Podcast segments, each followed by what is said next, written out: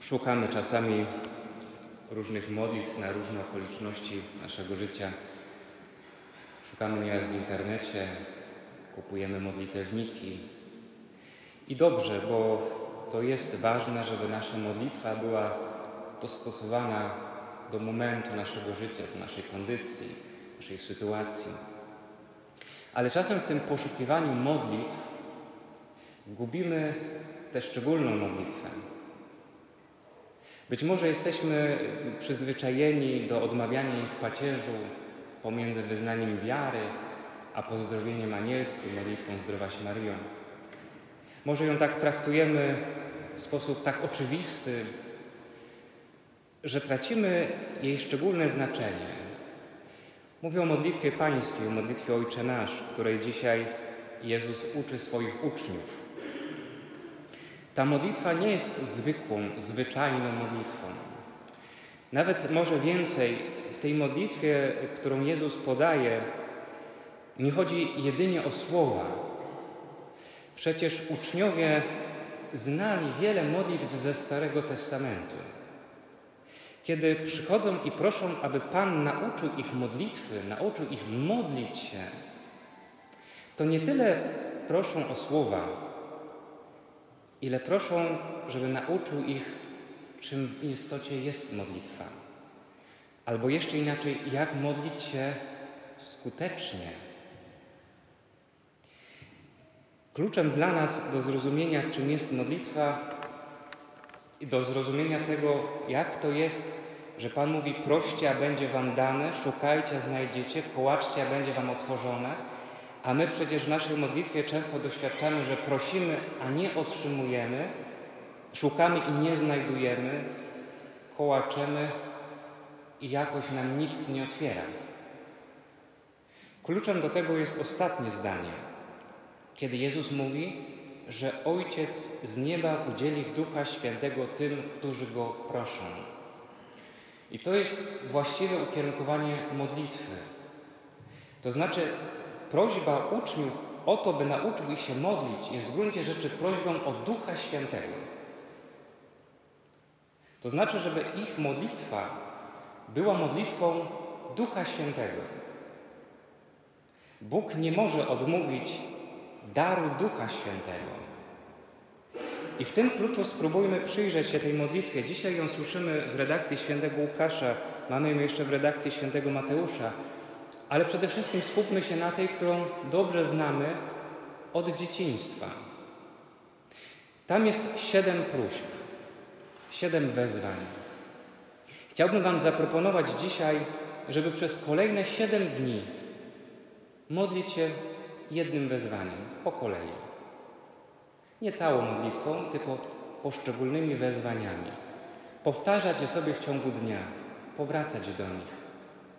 Zobaczymy, że kiedy będziemy w kółko powtarzać to jedno wezwanie, to ono też zacznie w nas pracować, zacznie nam otwierać nowe spojrzenie na to wezwanie.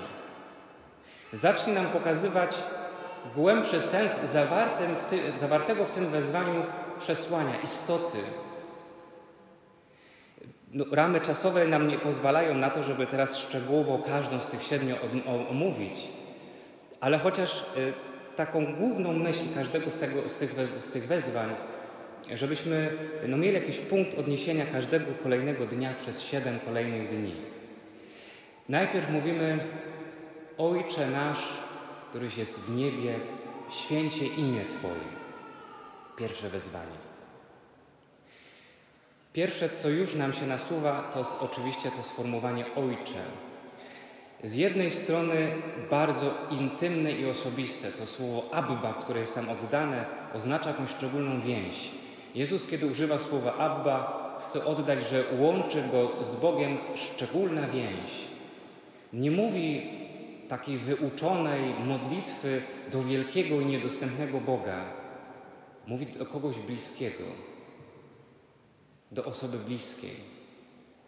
Ale jednocześnie pozostawienie tej formy ojcze, jednak takiej poważnej, przypomina, że łączy nas z Bogiem więź intymna, ale jednak Bóg jest Bogiem, a my Jego stworzeniem. W żaden sposób nie możemy się z Nim zrównać. I prosimy, by święciło się Jego imię. Zobaczcie, pierwsza prośba nie jest prośbą o coś dla siebie. Możemy się zastanowić, jak wygląda nasza codzienna modlitwa prośby. Czy ona nie jest, nie wygląda trochę jak automat do spełnienia życzeń? Że prosimy o tyle rzeczy dla siebie. Ale czy w mojej modlitwie jest obecne to, co wydaje się być priorytetem w modlitwie Ojcze Nasz? Że my prosimy, aby się święciło w naszym życiu Jego imię. To znaczy, najważniejsza dla chrześcijanina jest chwała Boga. Nie moja chwała ludzka, chwała Boga. To znaczy, Bóg ma być uwielbiony w moim życiu i o to proszę w pierwszej kolejności.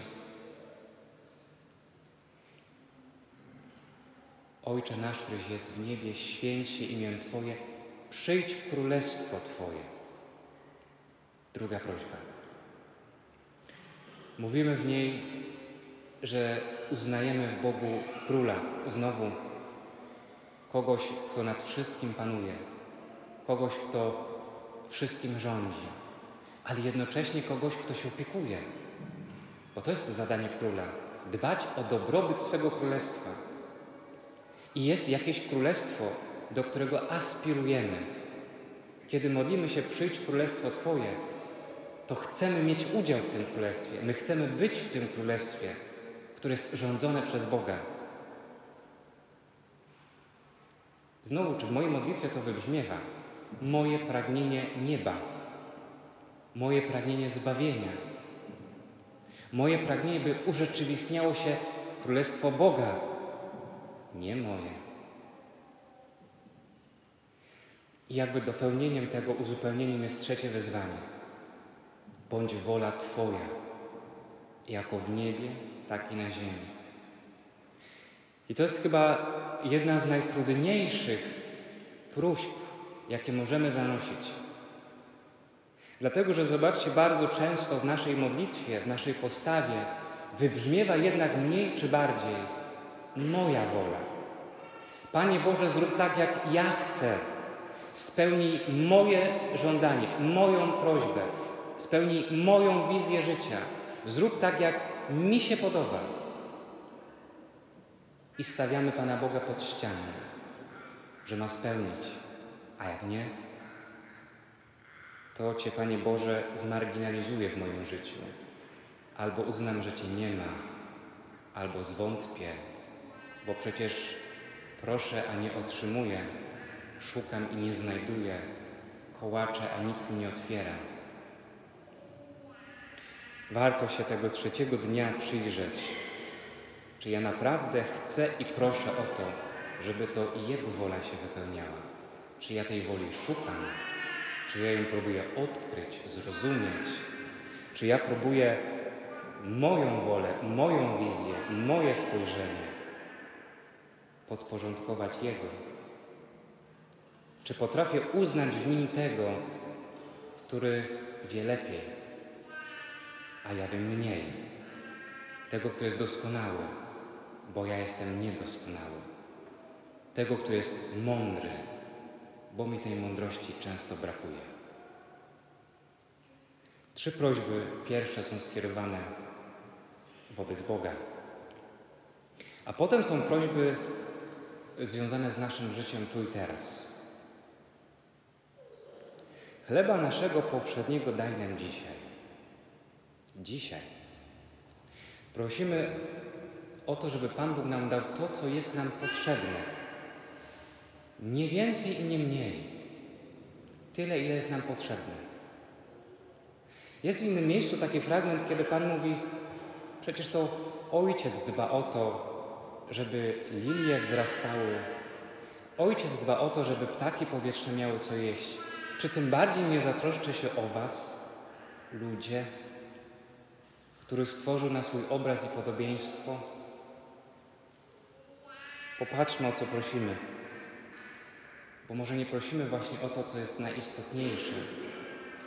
dla naszego dobra. Tylko wymyślamy czasami różne rzeczy, a może one wcale nie są nam potrzebne, a może by nam utrudniały drogę do zbawienia. Może właśnie dlatego Pan tej modlitwy, choć słyszy, nie wysłuchuje. Prosimy o chleb. Prosimy, aby odpuścił nam Pan nasze winy, tak jak i my odpuszczamy naszym winowajcom. To znaczy, ta modlitwa nam ukazuje Ojca, który jest miłosierny, który jest przebaczający, który chce nam przebaczyć wszystkie nasze niedoskonałości i słabości. Ale chce też, żebyśmy doświadczywszy tego, zrobili dokładnie to samo. Bóg wybacza nam, bo nas kocha. Nie stawia warunków. Jak przychodzę i mówię przepraszam, żałuję, to mi wybacza. Zróbmy to samo. Czy my o to prosimy? Czy my prosimy o serce miłosierne, o serce zdolne do przebaczenia, o serce zdolne do przełamania tego, co je blokuje? Czy prosimy o skruszenie naszych twardych serc? Nie wódź nas na pokuszenie. A dokładniej, zaglądając do oryginału, nie dopuść, aby przyszła na nas taka pokusa, której nie będziemy w stanie udźwignąć. To Bóg nad wszystkim panuje. Jeśli przychodzi na nas coś trudnego, jeśli przychodzi pokusa, to nie przychodzi pokusa większa niż jesteśmy w stanie znieść. Ale tak, przychodzi i będzie przychodzić. Bo znamy przecież tyle historii ze Starego Testamentu, chociażby Hioba, ale przecież znamy też i samego Jezusa, na którego przychodzi pokusa. I przychodzi nawet największa pokusa na krzyżu, by zanegować istnienie Boga. Przychodzą pokusy, ale modlimy się, prosimy, mówiąc: Panie, miej wzgląd na to, że jestem słaby. I być może wielu rzeczy nie udźwignę. Nie pozwól, by przyszło na mnie coś, czego nie będę w stanie udźwignąć. Bądź ze mną. To wyraża ta prośba. I broń nas wreszcie od złego. Bądź naszą tarczą. Znowu oddajemy się pod Jego opiekę. Mamy świadomość, że sami jesteśmy zbyt słabi i prosimy Jego, by czuwał. My w starciu ze złem nie mamy szans, dlatego prosimy Boga, by On nas bronił od złego. My ze swej strony zrobimy wszystko, żeby nie wejść w jakikolwiek dialog ze złem, ale niech On, Bóg Wszechmocny, chroni nas od złego. Siedem dni, siedem wezwań. I na samym początku jeszcze warto sobie na to zwrócić uwagę. Mówimy Ojcze nasz. To znaczy, kiedy wypowiadamy tę modlitwę, nawet jeśli wypowiadamy ją sami, w naszym pokoju, gdzie nie ma nikogo, to mówiąc ją właśnie tak, miejmy świadomość, że łączymy się z całą modlitwą Kościoła. To znaczy, tak naprawdę nie modlę się wcale sam. Kiedy mówię Ojcze nasz, modli się ze mną cały Kościół. I Kościół, który pielgrzymuje tu na ziemi.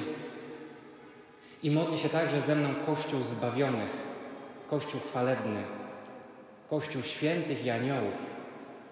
Oni ze mną modlą się wówczas tą modlitwą. W modlitwie nigdy nie jestem sam.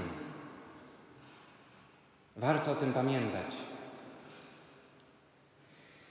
Zachęcam więc Was, żeby przez tych siedem kolejnych dni modlić się tymi poszczególnymi wezwaniami modlitwy Ojcze Nasz, tej modlitwy i jedynej właściwej modlitwy, której nauczył nam, nas sam Zbawiciel, Syn Ojca.